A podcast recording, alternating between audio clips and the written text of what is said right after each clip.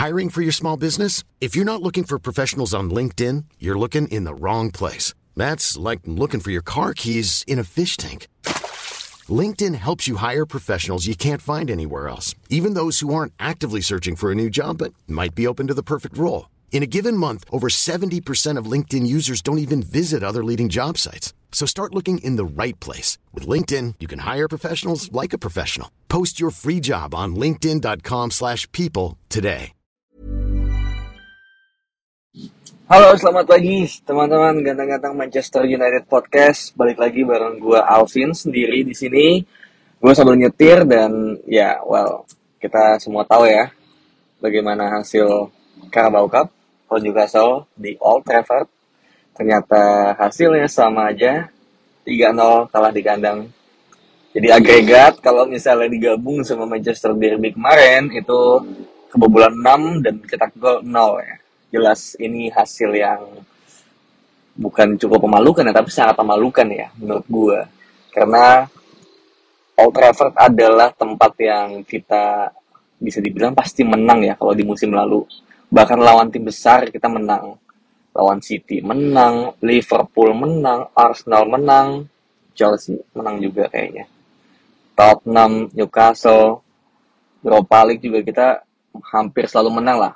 Imbang paling sama Sevilla sekali kan di Europa League. Tapi musim ini somehow itu berubah sejak uh, lawan Brighton ya. Kita kalah 3-1 and then semua itu hancur. Lawan Galatasaray kalah, lawan City kalah, lawan Newcastle juga kalah.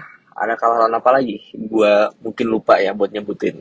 Tapi intinya kita kalah dan apakah ini salah Ten Hag? Karena squad yang diturunkan ini udah sesuai permintaan, bukan permintaan ya, tapi harapan kita semua termasuk gue gitu yang sangat vokal untuk tidak memainkan Rashford dan Bruno.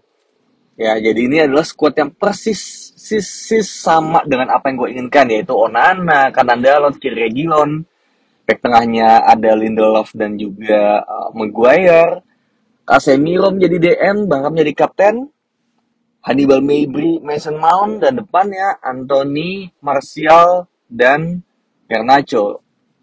Udah sesuai sebetulnya gitu. Dan sejujurnya gue juga miss ya, gue ketiduran 15 menit pertama, gue bangun setengah 4, jadi gue baru nonton tuh um, ketika udah menit 15. Dan sebenarnya MU nggak main bagus banget, tapi nggak jelek banget, standar lah, so-so lah, kasarnya gitu. Gue nonton, um, apa ya, mungkin gue terlalu ini kali ya menaruh harapan tinggi kepada susunan pemain ini di mana bisa mengalahkan 3-0 Crystal Palace di babak sebelumnya dan juga bisa bermain dengan free flowing. Tapi di 15 di bukan di 15 menit ya, tapi start di menit 15 itu ketika gue nonton itu nggak semulus itu gitu, nggak jelek banget tapi nggak semulus itu. Jadi kayak um, banyak kehilangan bola, Newcastle juga ternyata determinasinya tinggi banget, jadi kita sering banget harus pulang balik ke belakang buat bertahan. Dan sayangnya ketika kita pegang bola itu kita juga sering hilang juga gitu. Contohnya di Garnacho ya, dia menurut gua pertandingan semalam tuh dia nggak bagus, jelek lah bisa dibilang ya. Jadi apa ya, malah malah makin mirip pressure gitu loh semalam. Di mana bola sering hilang, kemudian apa ya mau ngelewatin pemain juga dia gagal gitu. Meskipun ya dia track back sih ya tapi tetap aja ketika lu gagal buat melewati pemain atau mengambil keputusan yang salah ya ya bola jadi hilang men gitu. Itulah satu pemain yaitu Garnacho dan ya tiba-tiba di menit 30-an something dari sebuah counter attack ya lagi-lagi dari yang gue bilang ya. Garnacho dribble hilang bola direbut ternyata Hannibal itu udah kartu kuning ya dan di Twitter gue liat banyak yang ngamuk-ngamuk tuh. Ternyata apa ya kayak Hannibal stupid gitu. Kayak menit segitu udah kartu kuning aja. Mungkin dia emosi ya gue nggak tahu gue belum lihat nanti gue bakal sempetin nonton 15 menit pertama ya biar lebih uh, objektif. Tapi di situ Hannibal dan Mason Mount nggak bisa tuh menghentikan si Tino Livramento. Itu back kanan favorit gue di dua tahun yang lalu ya ketika dibeli dari Southampton. Dibeli sama Southampton dari Chelsea. Bagus banget mainnya kemudian di cedera panjang dan musim ini dibeli sama Newcastle.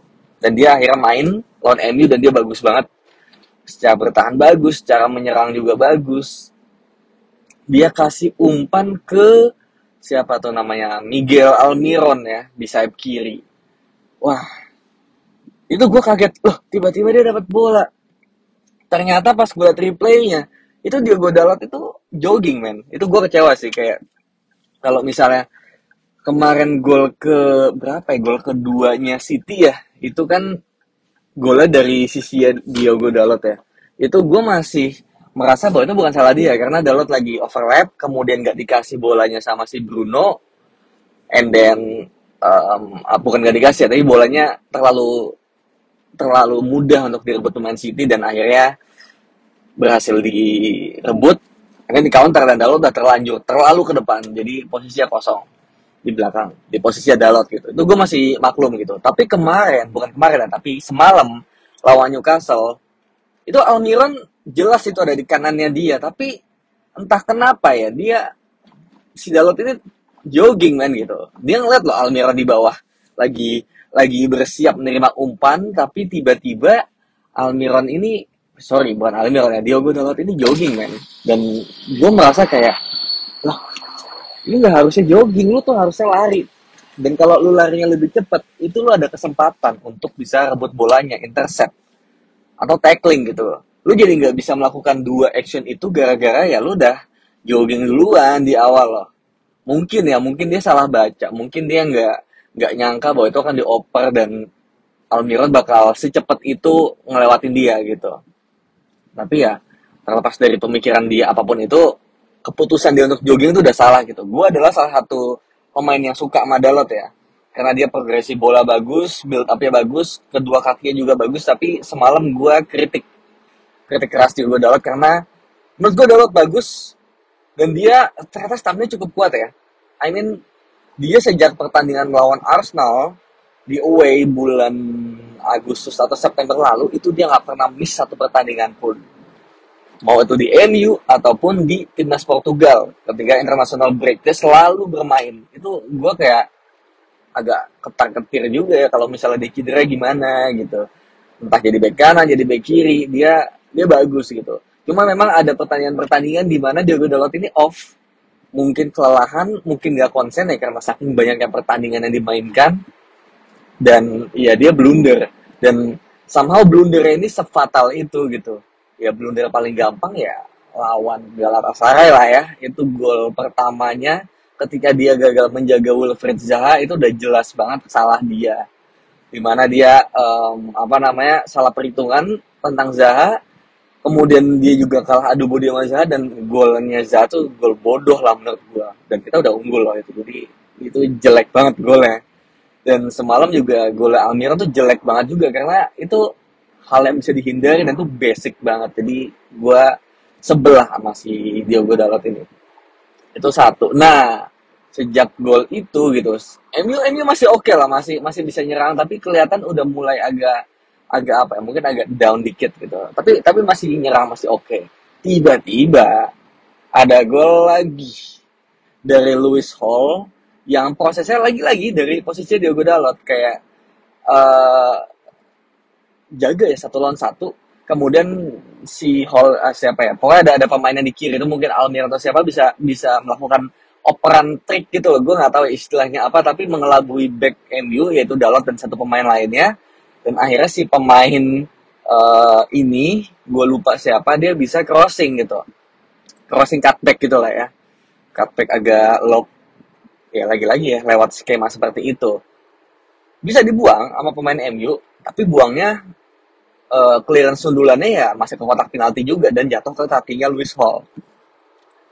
Dari kakinya Luis Hall dia langsung first time shot dan ke ujung kanan banget ya bukan salah Onana lah itu udah ujung banget. Susah gue liat anjing gue keren lagi kan 2-0 nah udah 2-0 tuh udah udah gue udah merasa ah, anjing gitu kan.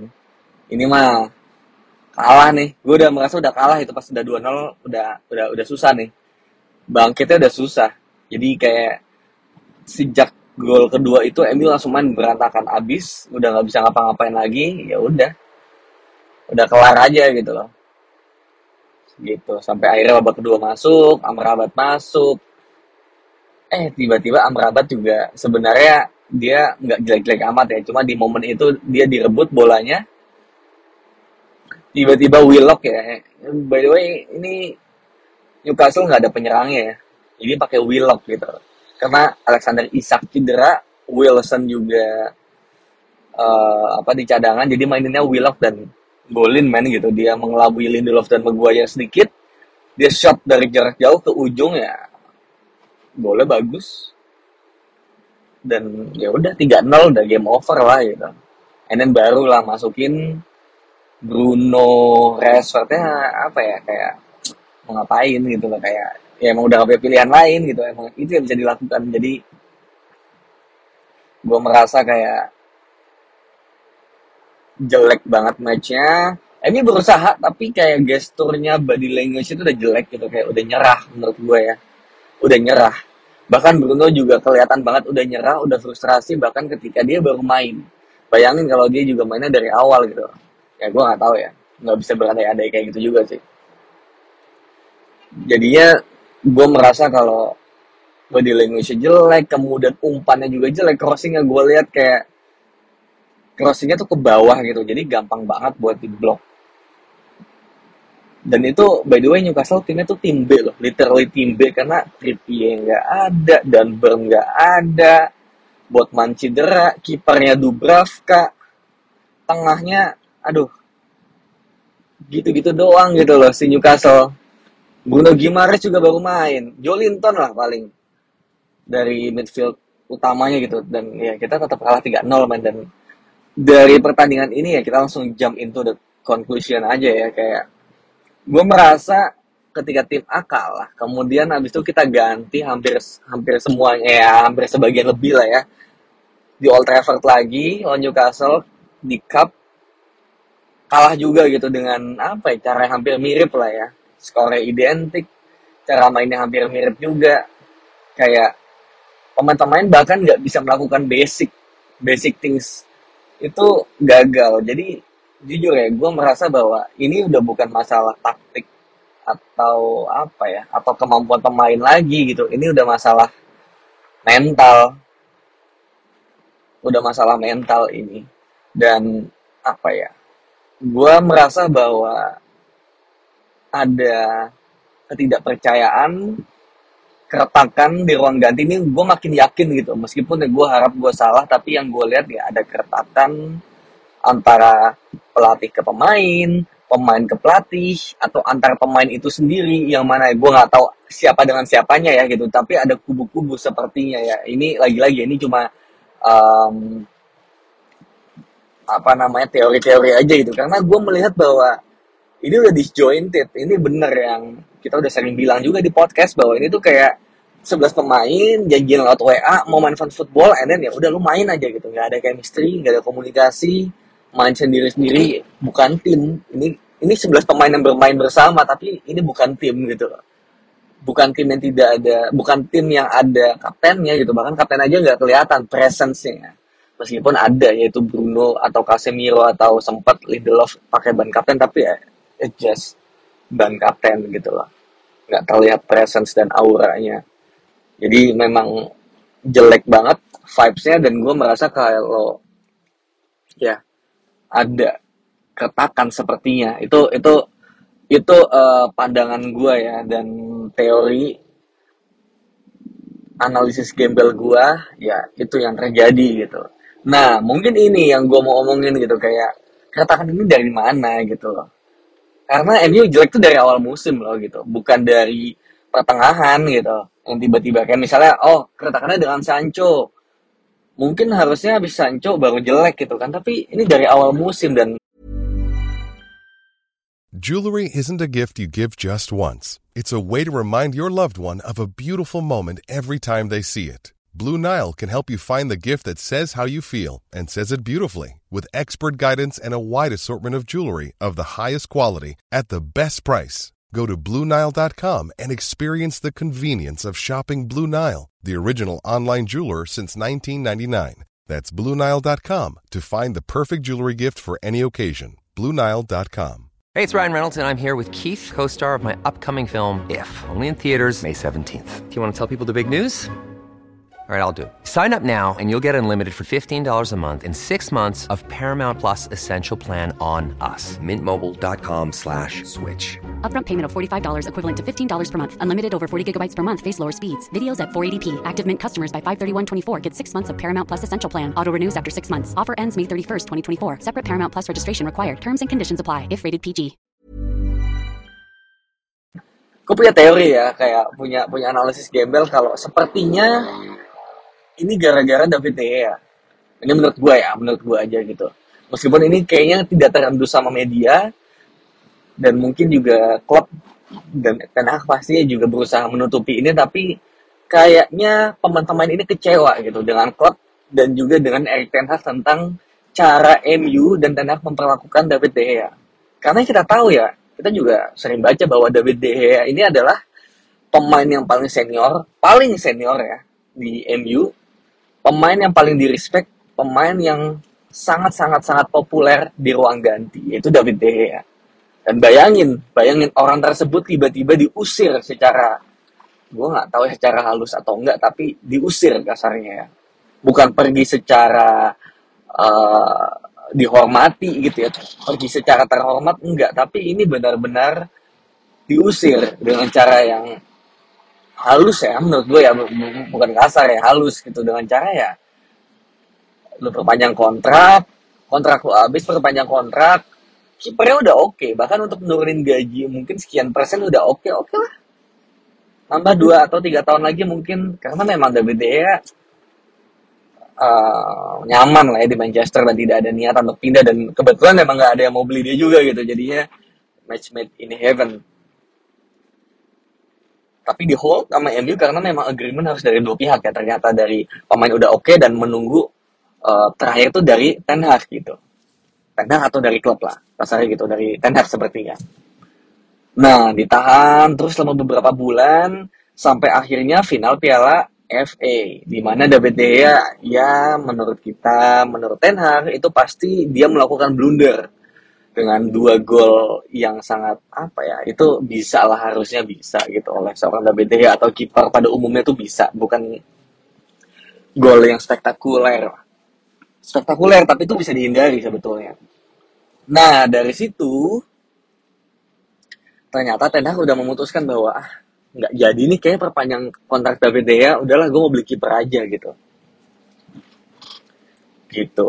Mau ganti kiper aja. Akhirnya kontraknya nggak dibatalin sih. Tapi dikasih tawaran yang baru. Dikasih tawaran yang baru dengan tawaran kedua dengan gaji yang jauh lebih rendah lagi. Wah pemain bingung kan kayak lah kan kemarin gue udah deal kok dikasih lagi yang baru? Dan ternyata gajinya bener-bener jauh banget di bawah.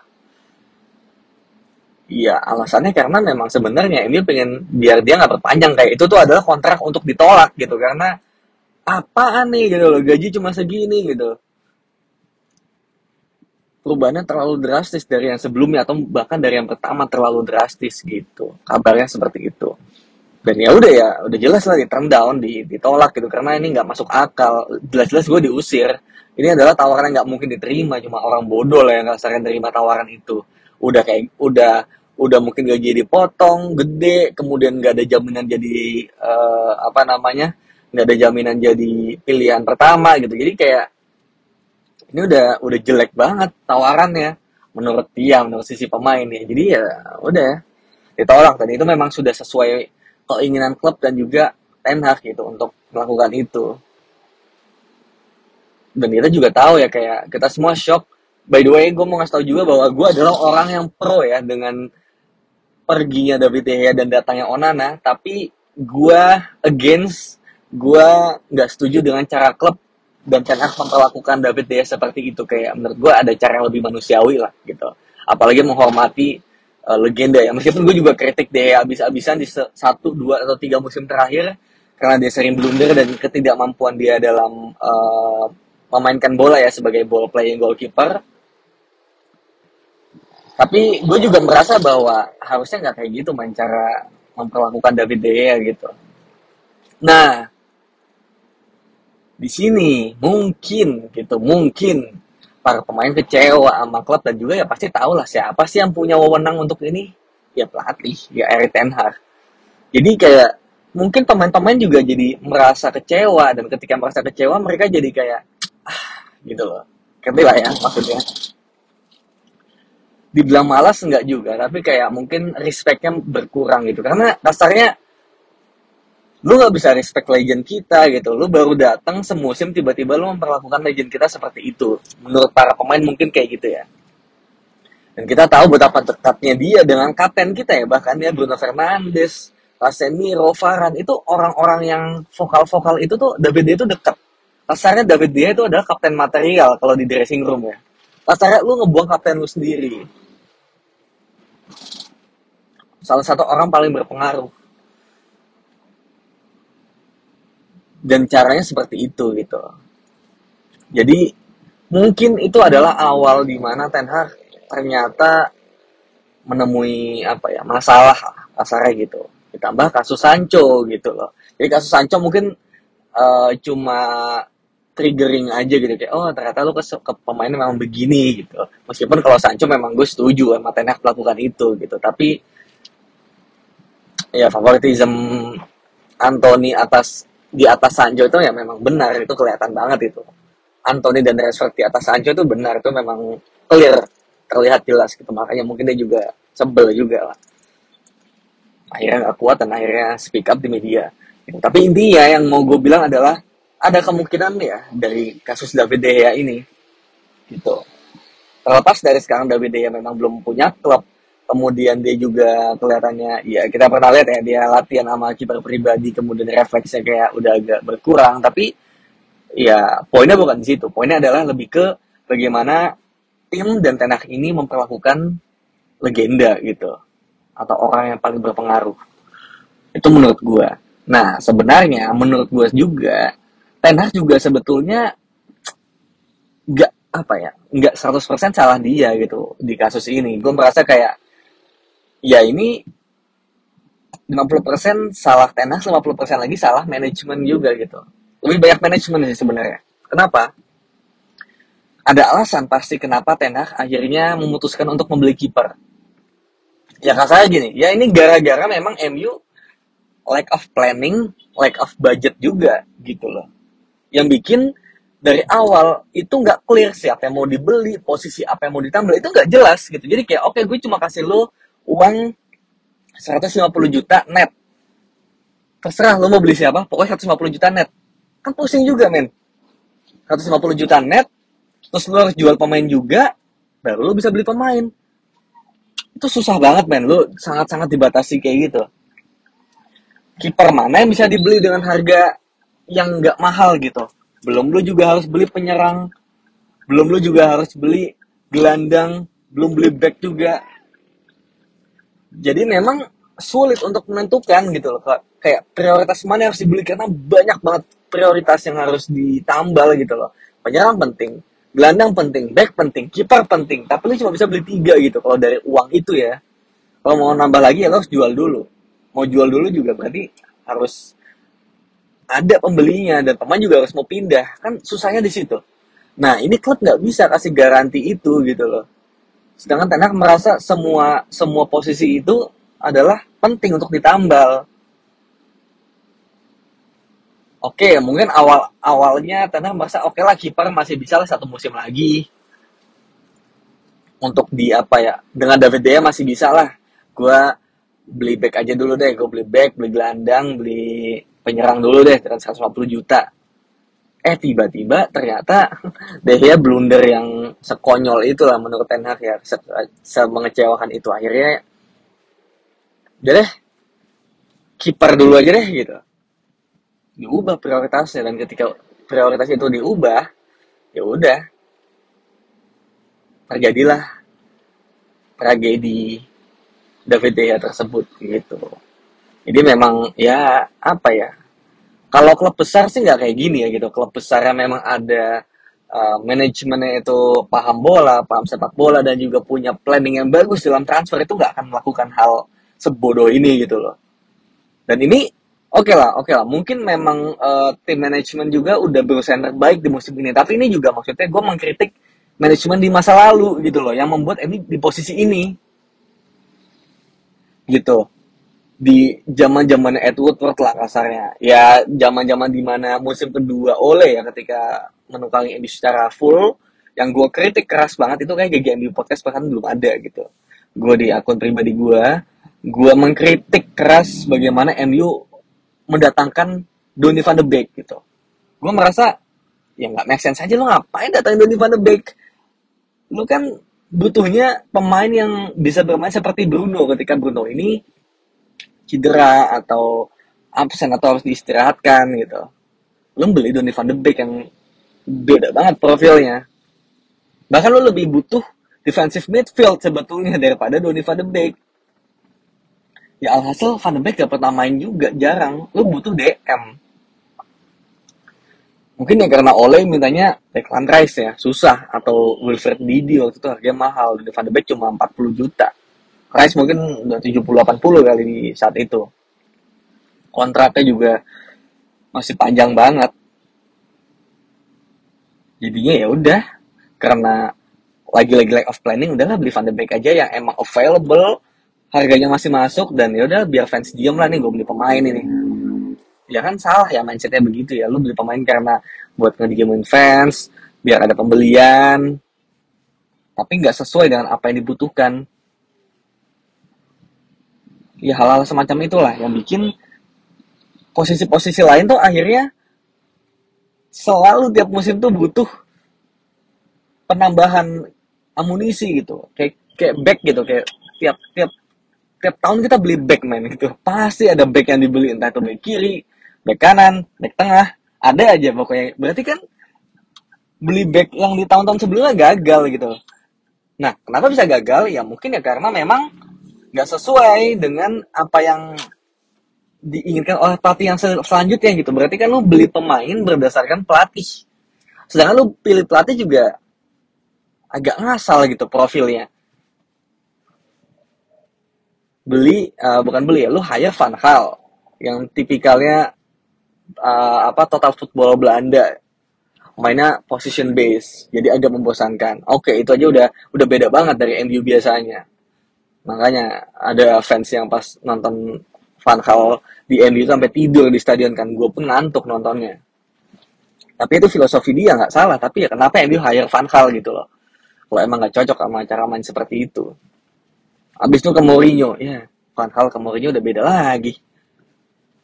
Lebih apa ya, Mourinho lebih pragmatis. Nggak jelek gitu, nggak jelek banget gitu. Dia menghasilkan trofi juga, tapi lebih pragmatis.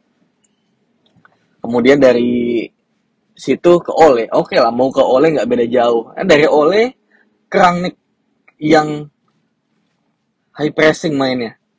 Ya pemain kaget lah anjir. Dari Ole tiba-tiba yang mainnya low block ketika bertahan ya mainnya low block tiba-tiba high block high press. Gila kaget lah berontak lah. Habis itu baru ke Ten Hag yang high press juga gitu. Jadi kayak ya oke okay, Ten Hagnya udah bener gitu loh. Rangnicknya udah bener tapi uh dari dulu tuh nggak jelas. Dan itu kan mempengaruhi siapa yang lu beli akhirnya. Nah itulah menurut gua yang salah karena tidak ada director of football. Nggak ada orang yang memang kompeten gitu untuk menjalani itu. ada ya John Murto. Ya John Murto juga basicnya juga bukan di bidang itu gitu, yang senior tim ya. Jadinya ya hancur lah pembelian-pembeliannya gitu. Meskipun ya setahun dua tahun ini udah lebih baik, tapi masih ada sisa-sisa dari pembelian di masa-masa lalu gitu loh. Jadinya ya udah hancur lah itu aja sih untuk gue tentang MU dan De Gea itu aja bye bye